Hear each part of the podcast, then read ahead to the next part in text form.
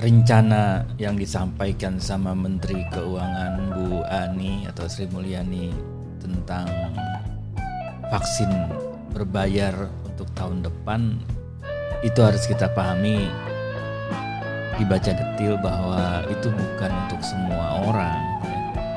jadi hanya untuk rakyat Indonesia yang mampu kalau yang nggak mampu ya tetap ada skema gratis.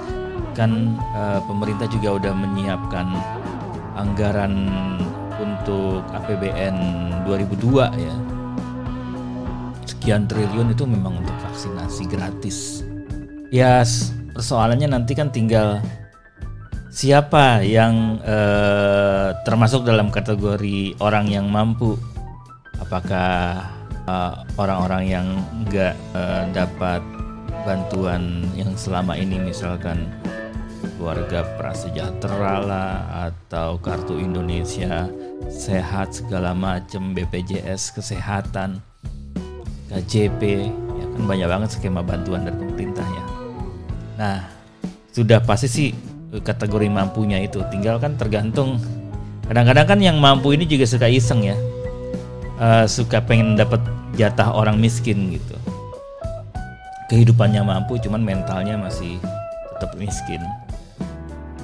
Ya mereka mampu untuk memutarbalikan cara di lapangan.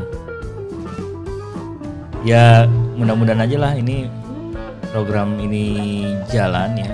Yang tujuannya kan kita ingin mencapai herd immunity biar pandemi ini bisa turun level menjadi endemi ya, sehingga menjadi hal yang tidak lagi uh, mengkhawatirkan banyak orang. Sudah banyak teman-teman kita, keluarga kita yang uh, mendahului kita karena pandemi COVID-19 ini. Berpikir positif terus. Sudah vaksin belum?